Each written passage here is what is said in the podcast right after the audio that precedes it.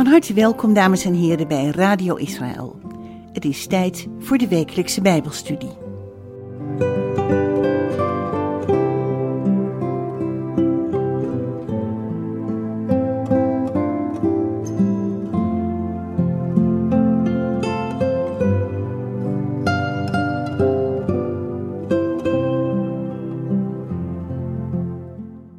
Shalom luisteraars.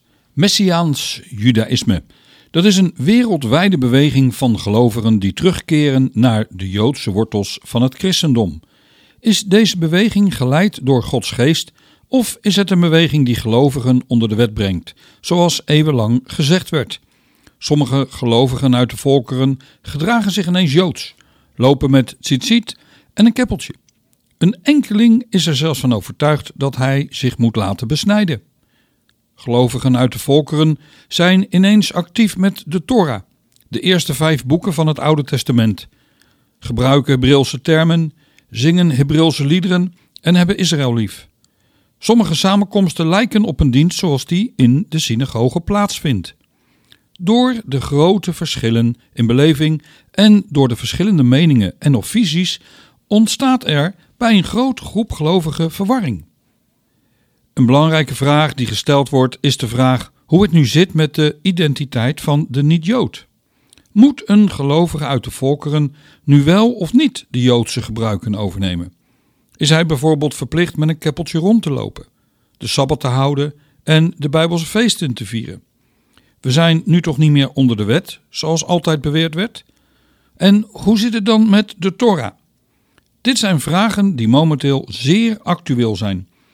In deze nieuwe studiereeks ga ik in op deze actuele zaken en laat u zien hoe dat gestalte kreeg onder de eerste gelovigen uit de volkeren. Deze groep stond bekend als de Godvrezenden. Deze studiereeks heet dan ook de Godvrezenden. Voor deze studie is gebruik gemaakt naast de Bijbel, het woord van God, van het boek Godfearers, Gentiles en the God of Israel. Godvrezenden, heidenen, en de God van Israël, geschreven door Toby Janicki en aangevuld met onderwerpen uit de praktijk. Misschien, luisteraars, is het goed als u pen en papier gereed heeft en onder andere de Bijbelteksten opschrijft en later nog eens terugleest. Welkom. Mijn naam is Jack van der Tang.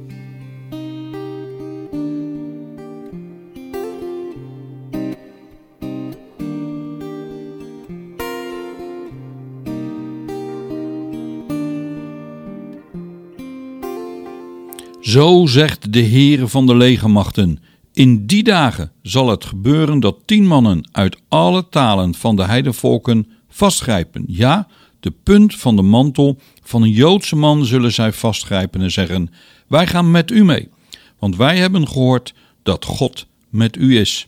Zacharias 8, vers 23.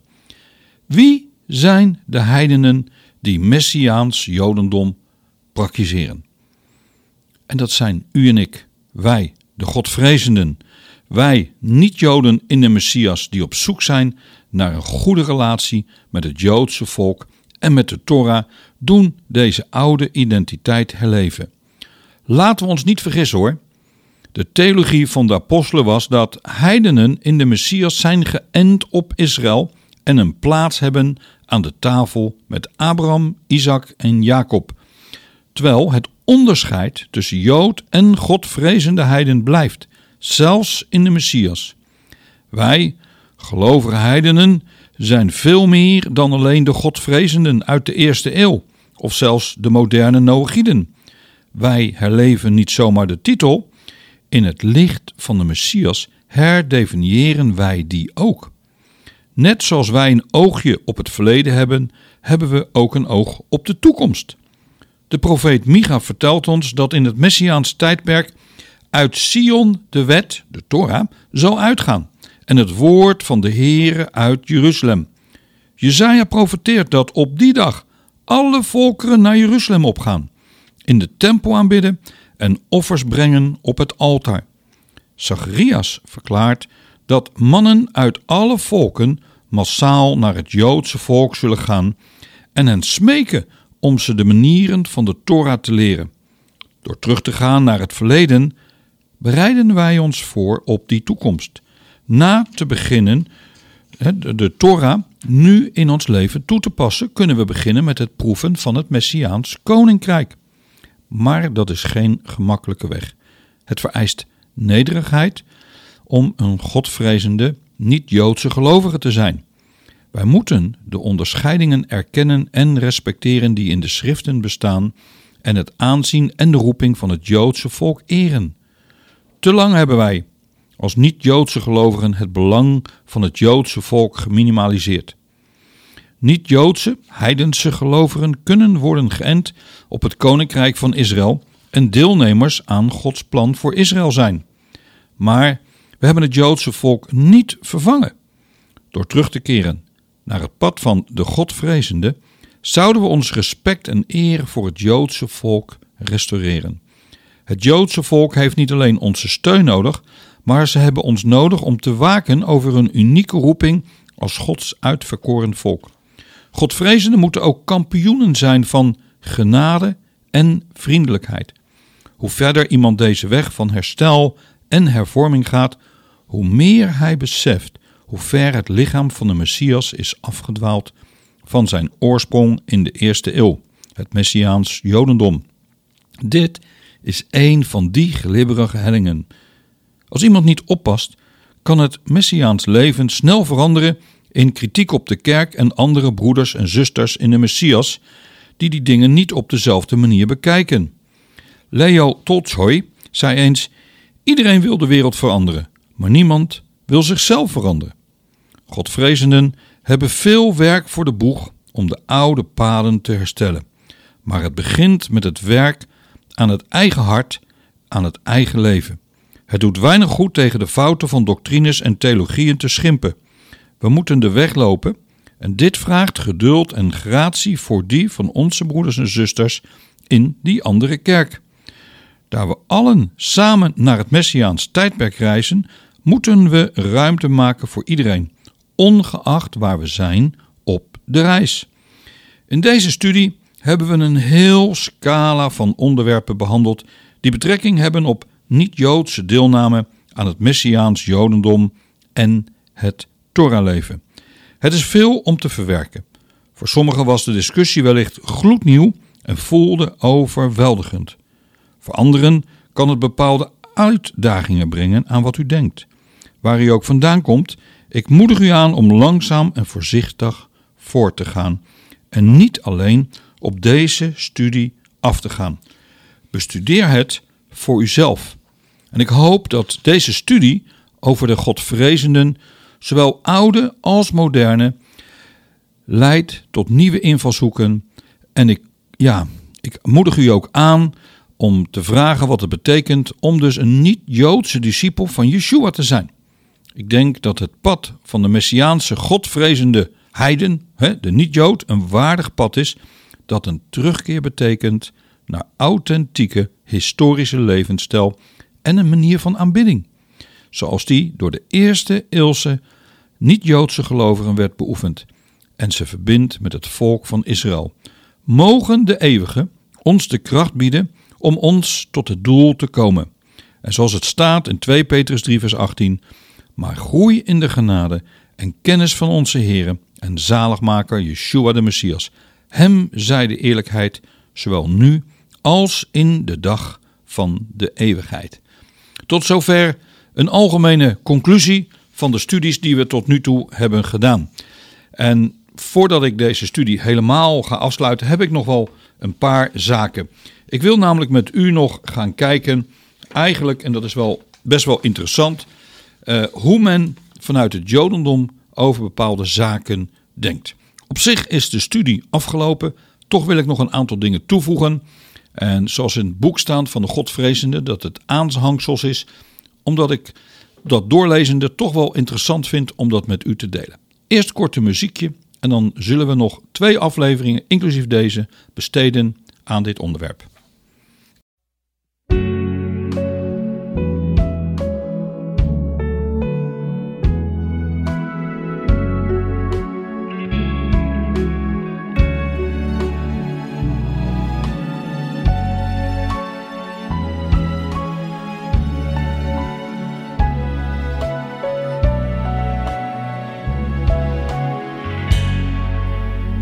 Veel van de studie die we hiervoor hebben besproken, hebben we gekeken en vergeleken hoe hebben nou die eerste niet-Joodse gelovigen zich gedragen ten aanzien van het Jodendom. Maar het is ook goed om te kijken hoe kijkt men vanuit het Jodendom, het Judaïsme, het orthodox Judaïsme, eigenlijk aan naar heidenen die dus de Torah volgen, die allerlei Torah-geboden onderhouden. En ik denk dat dat wel heel belangrijk is, ook om te leren wat het denken is vanuit het Joods perspectief. En uiteraard zijn uh, wat de meester, de Messias en de apostelen, die zijn voor ons de uiteindelijke autoriteit, voor ons als gelovigen in de Messias voor dat onderwerp.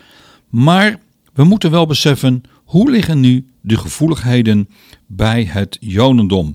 In het modern orthodox Jodendom zijn de minimumnorm voor rechtschapenheid voor heidenen de zeven wetten van Noach. Daar hebben we al een aantal keren over gesproken in de studies hiervoor. Ook al bekend als de Noachidische wetten. Het Jodendom beschouwt deze zeven verboden als de basis voor een godzalig leven voor de niet-Joden onder de volkeren. Zij zien dat eigenlijk als een gebod voor alle niet-Joden over de hele wereld. Nou, ehm, natuurlijk rijst de vraag hoeveel de rabbijnse halacha heidenen toelaat deel te nemen aan deze zeven wetten van de Torah. We zullen ontdekken dat het antwoord niet altijd zo makkelijk is, niet altijd pas klaar. Eerst moeten we eens gaan kijken naar een aantal bewoordingen. En, uh, want dat lijkt wel toch belangrijk. Hoe gaan we daarmee om? Hoe, gaat, hoe noemen we bijvoorbeeld een heiden? Nou, we hebben een uh, heiden die zich heeft aangesloten bij Israël. Dat noemen we een Ger Tzedek. Hij heeft zich aangesloten bij het heidendom en hij is volledig bekeerd tot het jodendom en wordt door de Joodse wet in elk opzicht als een Jood beschouwd. De Ker Tzedek. Maar we hebben ook de Ker Toshav, de inwonende vreemdeling. Dat is een heiden die leefde tussen oud-Israël in een natie en stond onder die wettelijke bescherming door Israël, wat betekende dat, indien hij nodig dat had, liefdadigheid ontving.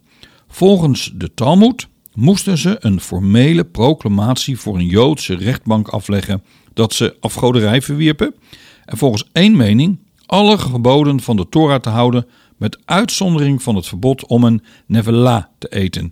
En wat is een nevela? Dat is een dier dat uit zichzelf gestorven is. Maimonides verklaart dat de Ker Toshav slechts verplicht is zich te houden aan de zeven wetten van Noach. Je ziet dus, ook in het Jodendom is het gewoon net als Bons met alle kerken, er zijn er verschillende visies. Hoewel deze categorie soms moeilijk precies is te definiëren volgens de Halacha, is deze klassificatie van heidenen niet van toepassing wanneer het jubeljaar niet wordt nageleefd. Om het wat moeilijker te maken hè? en lastig te maken hoe er dus naar gekeken wordt. Daarom is er thans geen categorie van de inwonende vreemdeling in het Jodendom. Niettemin is dus de Kertoshav de categorie hiervan het meest in overeenstemming met de status van de godvrezende heidenen in de eerste eeuw van de synagoge. Dan hebben we nog een derde categorie, de laatste categorie, en dat is de Benai Noach, de zonen van Noach. Volgens het Jodendom zijn dat alle niet-Joden die zich niet bekeerd hebben.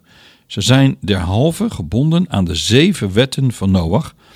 En het is deze laatste categorie waar we nu ook eens naar gaan kijken.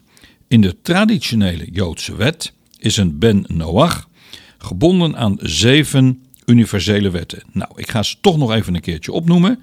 Dat is het verbod van godslastering, afgoderij, overspel, moord, diefstal, het eten van vlees van een levend dier en de verplichting om rechtbanken op te zetten. De, de systematisering van deze wetten lijkt gedurende honderden jaren te hebben plaatsgevonden en ze begonnen vaste vorm in de Talmud aan te nemen tijdens de Amoraïsche periode. Dat is zeg maar de periode van 200 tot 500 na Christus.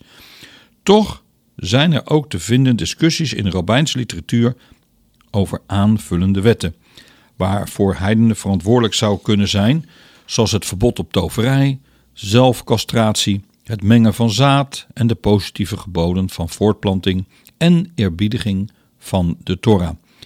In feite is er zelfs een suggestie, en dat is gebaseerd op Zacharias 11, vers 13, dat naties verplicht waren om een totaal van 30 geboden te houden. Niet tegenstaande, dat wordt tegenwoordig binnen het orthodoxe Jodendom unaniem aanvaard, dat deze zeven geboden de minimale eis zijn voor de heidenen die een aandeel willen in de komende wereld. Nou, dit brengt ons terug naar de oorspronkelijke vraag. Volgens de Joodse wet, als heidenen meer willen doen dan de zeven wetten van Noach, maar zich niet willen bekeren en wettelijk Joods worden, hoeveel van de Torah staat de halacha hen toe dat te doen? Nou, heidenen, dus die de wetten van Noach uh, volgen, mogen leren en groeien in de aanwijzingen van de Torah. Bijvoorbeeld, hoewel heidenen niet specifiek vereist zijn, daar hebben we het al eerder wel eens gehad in een studie, hun vader en moeder te eren, worden ze wel aangemoedigd dit te doen. En de Talmud registreert talloze verhalen van een heiden genaamd Dama ben Nessina, van wie wordt gezegd dat hij onovertroffen was in zijn naleving van dit voorschrift.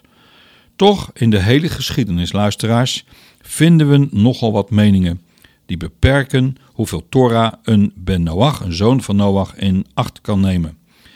De Talmud. We gaan eens kijken naar de Talmud. Wat zegt de Talmud hier nou van? Nou, gecodificeerd in ongeveer 400 na Christus. De Talmud verbiedt slechts de naleving van, de twee, van twee geboden: de Torah-studie en de Sabbat. Hoort u het goed? Dus de Talmud verbiedt eigenlijk twee zaken voor de heidenen: de Torah-studie en de Sabbat. Dit is belangrijk omdat de Talmud het uitgangspunt vormt voor alle latere halagische beslissingen. En dit is wat de Talmud zegt over heidenen die de Sabbat houden. Zo wordt aangehaald een rabbijn, Lakish, en ook dit heb ik al eerder een keer genoemd. Een heiden die een rustdag houdt, verdient de dood. Want er is geschreven: En een dag en een nacht zullen zij niet rusten. Dat wordt gehaald uit Genesis 8, vers 22. En de meester heeft gezegd: Hun verbod is hun doodvonnis. En andere rabbijn die voegt daar zelfs aan toe: Zelfs indien dus die niet-Jood rust op een maandag. Hoewel op het eerste gezicht dit erg hard lijkt om te verordenen dat als een heiden de sabbat in acht neemt, hij de dood verdient, was het waarschijnlijk niet letterlijk bedoeld, maar drukt eerder de strengheid uit waarmee de wijzen deze, ja, deze daad hebben bekeken. Nou, dan hebben we nog een rabbijn Jochanam die zei: Een heiden die de Torah bestudeert, verdient de dood. Want er is geschreven: Mozes gaf ons een wet voor een erfenis. Het is onze erfenis, niet de hunne. Er wordt bezwaar aangetekend door een rabbijn Meir en die placht dan te zeggen: Van waar weten we dat zelfs een heiden die de Torah bestudeert is als een hoge priester? Want die gaat er dus tegen in. En die gaat dan naar de versen uit Leviticus 18, vers 5. Daar staat: Mijn verordeningen en mijn bepalingen moet u in acht nemen. De mens die ze houdt, zal erdoor leven. Priesters, levieten en Israëlieten, zegt hij dan, die worden hier niet genoemd. Maar er staat de mens die ze houdt, dus maar mensen wordt daar genoemd. Dus zegt hij, dat is niet alleen voor Israël, maar dat geldt ook voor de niet-Joden. Dus gij moogt leren dat zelfs een heiden die de Torah bestudeert is als een hoge priester. Zo gaat dus weer een ander hiermee om. U ziet, het is allemaal niet zo gemakkelijk en zo eenvoudig als wij allemaal denken. Nou, in deze passage die we net gelezen hebben, is het dus een heiden alleen toegestaan de wetten te bestuderen die op hem van toepassing zijn. En dan hebben we het weer over die zeven wetten van Noach. Nogmaals, de doodstraf moet je niet zien als een letterlijke straf, maar het is meer als een krachtige waarschuwing. Nou, we hebben al eerder hiernaar gekeken. Er zijn allerlei Talmoedische manuscripten met een textuele variant. En dat betekent dat er soms voor het woord heiden ook gebruikt wordt een astroloog of een afgodendienaar. En dan niet alleen specifiek een dienaar. Dus het is allemaal toch wel lastig. Uh, hoe gaan we dan om met bijvoorbeeld de tzitzit? Daar hebben we natuurlijk in de studie hiervoor over gehad. En dan wordt er ook in de Talmud aangehaald: onze rabbijnen onderwezen als een man van een Israëliet in de markt een kledingstuk kocht, voorzien van het tzitzit, is het vermoeden dat het geldig is. Dus een Israëliet die van een andere Israëliet op de markt dat kocht, dan is het geldig. Maar als hij dus koopt van een heiden die een koopman is, is het geldig, maar als hij een particulier was, is het ongeldig. En dit is dus niet tegenstaande dat ze zeiden: een man mag geen kledingstuk voorzien van tzitzit verkopen aan een heiden, tenzij hij de tzitzit verwijderde. Wat is de reden hiervoor? En hier werd het verklaard wegens een slippendrager. De rabbijn Juda zei: Het valt te vrezen dat een Israëliet zich bij hem zou voegen op de weg en hij hem kon doden. Waar heeft dit nou mee te maken? Waarom staat dit zo specifiek? En waarom is het toch wel lastig om te lezen? Omdat je het moet lezen in de context van de tijd. Want in de tijd van de Talmud tierde het antisemitisme welig en de wijzen vonden het verstandig om afstanden op te zetten tussen henzelf en hun heidense buren. En de Talmud zegt bijvoorbeeld ook dat Torah-rollen, of de mezuzot, dat is het stukje perkament wat in de mezuzah zit, en de tevelim, die door heidenen waren geschreven, ongeldig zijn. Naast het vinden van maar een paar geboden waarvan het verboden was dat heinen die in acht namen, zien we daar een voorbeeld van de, in de Jeruzalem Talmud, waar Rabbi Yehuda Hanassi een mezuzah aan de Persische koning Artaban stuurt als een geschenk. Vol, vermoedelijk wilde hij dat natuurlijk die Persische koning dat wel ophangen, maar volgens moderne Joodse verklaring is dat eigenlijk verboden. In feite, op een andere plaats onderricht de Talmud dat een Jood een mezuzah niet aan zijn huid mag laten als hij naar buiten verhuist en een heiden zich daar in dat huis komt te wonen. Bang omdat ze dan denken dat hij het huis zou ontheiligen. Dan gaan we nog eens kijken naar de Ramban. Een geweldige, grote en een zeer invloedrijke rabbijn in het Jodendom. Nou, in zijn verklaring, de Mishneh Torah, uh, daar gaat hij dus er ook op in. Hij wordt beschouwd als een van de grootste wijze en halachische geleerden aller tijden en hij wordt nog steeds dus zeer gerespecteerd. Wat zegt hij nu over een heiden, de Torah-studie en de Sabbat? Hij zegt het volgende: Een heiden die Torah bestudeert is verplicht om te sterven. Ze zouden in de studie alleen worden verwikkeld bij de zeven mitzvot de zeven Noachitische geboden. Op dezelfde manier zal een heiden die rust, zelfs op een doordeweekse uh, dag, die dag als een sabbat in acht nemend, verplicht zijn te sterven. Onnodig te zeggen dat hij verplicht is tot straf als hij een feest creëert voor zichzelf. Zij kunnen ofwel rechtmatige bekeerlingen worden en alle mitzvot accepteren, of hun statuten behouden zonder eraan toe te voegen of ervan af te doen. Nou, dit is een standaardlijn geworden in de Talmud. Hij zegt wel dat ondanks dat ze de dood hebben verdiend, uh, dat niet moet worden uitgevoerd. En ook gaat hij in op een ander gedeelte, dat is het verbod van een kledingstuk met tzitzit erop aan een heiden te verkopen om dezelfde redenen als de Talmud. De situatie voor de Joden was in zijn dagen niet beter dan voor de wijzen in de Talmud, maar nogmaals, de beslissing verklaart nooit expliciet dat heidenen geen tzitzit kunnen dragen. Rambam verklaart ook dat een heiden geen Torah-rollen, geen mezuzot of tefli mag maken of schrijven. En misschien was de meest opmerkelijke opmerking die hij maakte direct na de sectie over het verbod van de Sabbi en de Torah-studie. Hij verklaarde: Wij mogen niet verhinderen dat een heiden die een van de mitzot van de Torah, een van de geboden van de Torah wil uitvoeren om een beloning te ontvangen om hij dat doet, mits hij dit verricht zoals het is vereist.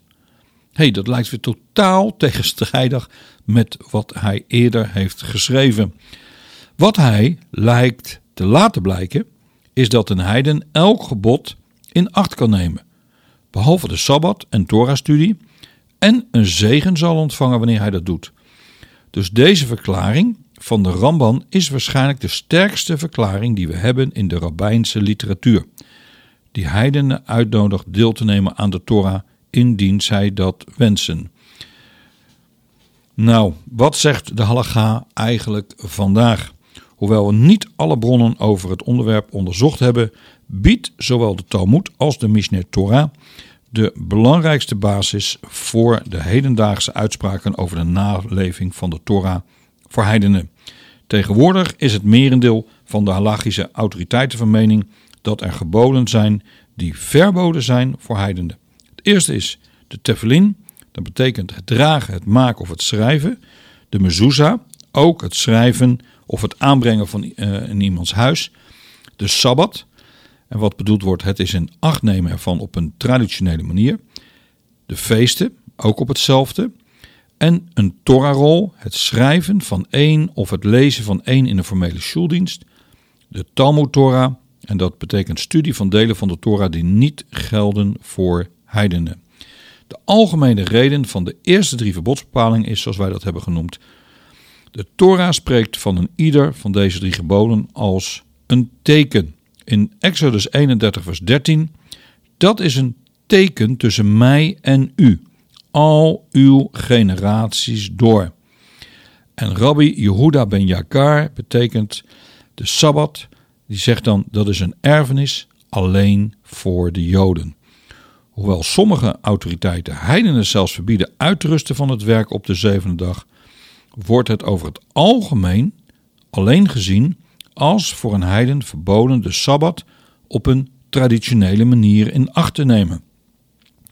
Volgens die interpretatie zijn Tefillin, Mezuzah en de Sabbat specifieke tekenen die de kinderen van Israël afzonderen van de volkeren om hen heen. Nou, dan gaan we hiermee stoppen. Ik kan nog een aantal andere dingen zeggen. Ehm, het is misschien wel goed om even te kijken nog naar het Messiaans tijdperk.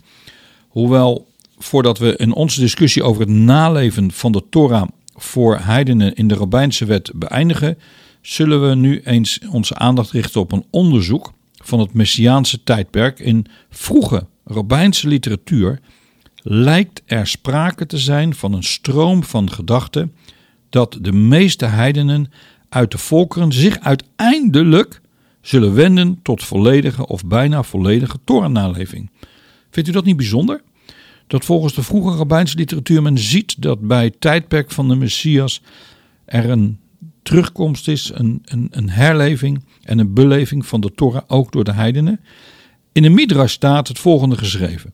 De koning Messias zal voor geen enkel ander doel komen dan voor het onderwijzen van dertig voorschriften aan de volkeren der aarde, zoals die van de loofhut, de palmtak en de tefillin.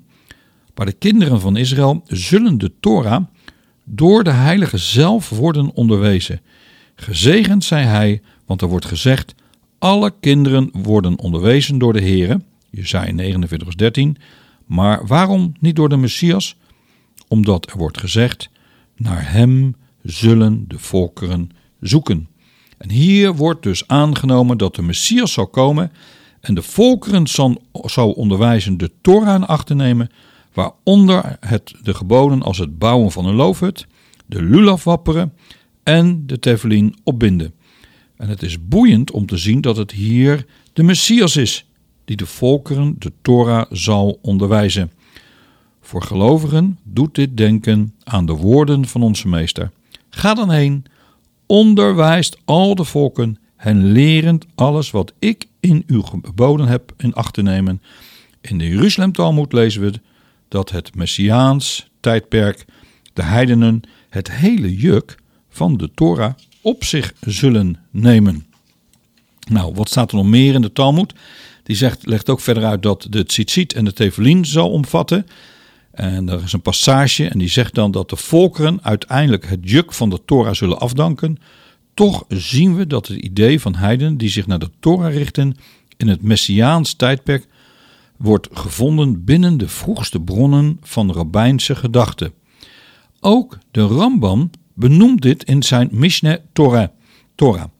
Dan zegt hij het volgende: Als een koning zal opstaan uit het huis van David, die ijverig de Torah overpeinst en zijn geboden in acht neemt, zal hij de hele wereld verbeteren en alle naties motiveren om samen God te dienen, zoals Zevanja 3 vers 9 verklaart, dan zal ik bij de volken de lippen veranderen in reine lippen, zodat zij allen de naam van de Heere zullen aanroepen om hem schouder aan schouder te dienen. De Ramban voorziet dat een van de tekenen van de Messias is de volken terug te leiden naar de aanbidding van de ene ware God. En dit lijkt erop te wijzen dat de volkeren niet alleen de Noachidische wetten hebben aanvaard, maar van de gehele Torah. Iedereen, Jood en niet-Jood, zullen samen Hashem, of de Ewer, of de God van Israël, hoe je het zeggen wil, vereren. En dan staat er ook weer in de Ramban: in dat tijdperk zal er geen honger of oorlog of afgunst of concurrentie zijn. Want het goede stroomt in overvloed en alle vreugde zal vrij beschikbaar zijn als stof. De bezigheid van de gehele wereld zal uitsluitend zijn God te kennen. Is dat niet bijzonder? Er zijn verdeelde meningen over wat dit precies betekent. En sommige geleerden zijn van mening dat de Ramban erop rekent dat alle volken van de aarde zich bekeren tot het Jodendom. En dat lijkt weer in overeenstemming met de Talmud, waar rabbijn Simeon ben Eliezer zegt: Buiten Israël, zo iemand dit ook zeggen, omdat ze op een dag bekeerlingen zullen worden, zoals wordt gezegd, dan zal ik de lippen veranderen in reine lippen. Nou, wat kunnen we hieruit kort even concluderen? We hebben slechts een vluchtige blik op de rabbijnse literatuur geworpen dat zich met die, deze zaken, met dit onderwerp bezighoudt. Er zijn veel meer ingewikkeldheden en details waar we het niet over gehad hebben. Desalniettemin openbaart zelfs dit kleine, korte overzichtje van de relevante literatuur dat het idee dat er heidenen zijn die de Torah onderhouden niet zo vreemd is aan het Jodendom als men denkt. Hoewel moderne Joodse halacha heidenen die de Torah, en dan moet je echt denken aan die uiterlijke tekenen onderhouden, als taboe beschouwt, duidt vroegere rabbijnse literatuur aan dat deze mening in de loop der tijd geleidelijk zal zijn ontstaan. En het lijkt erop dat de opkomst van het christendom, van het christelijk antisemitisme en vijandelijkheid tot het jodendom in het algemeen de wijzen leiden in de richting van halachische uitspraken die scherper en duidelijker onderscheid tussen joden en niet-joden veroorzaakten. Zelfs voor de niet-jood die zichzelf Noachidisch zou noemen, in een poging om zich bij het jodendom aan te sluiten in de aanbidding van de God van Israël. Zoals we al aan het begin zeiden, was ons doel in dit onderzoek niet om toestemming van de wijze van Israël te verkrijgen voor naleving van de Torah voor de heidenen. We moeten niet vergeten namelijk dat het traditioneel judaïsme de openbaring mist wat betreft heidense gelovigen, die ons door de woorden van Yeshua en de bediening van de apostelen werd gegeven.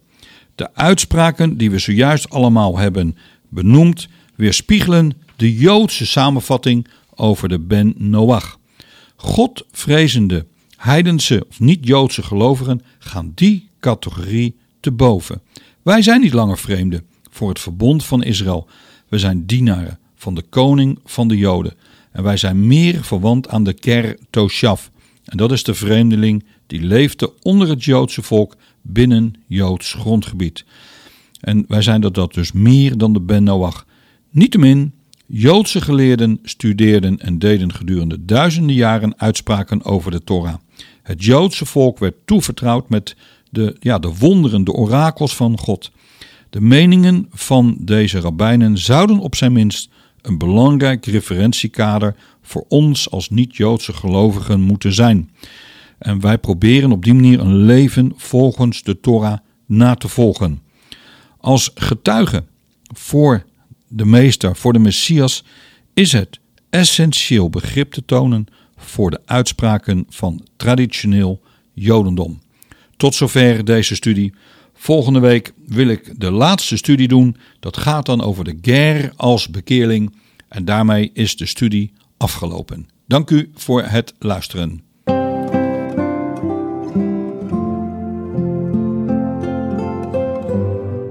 U hebt geluisterd naar de wekelijkse Bijbelstudie op Radio Israël.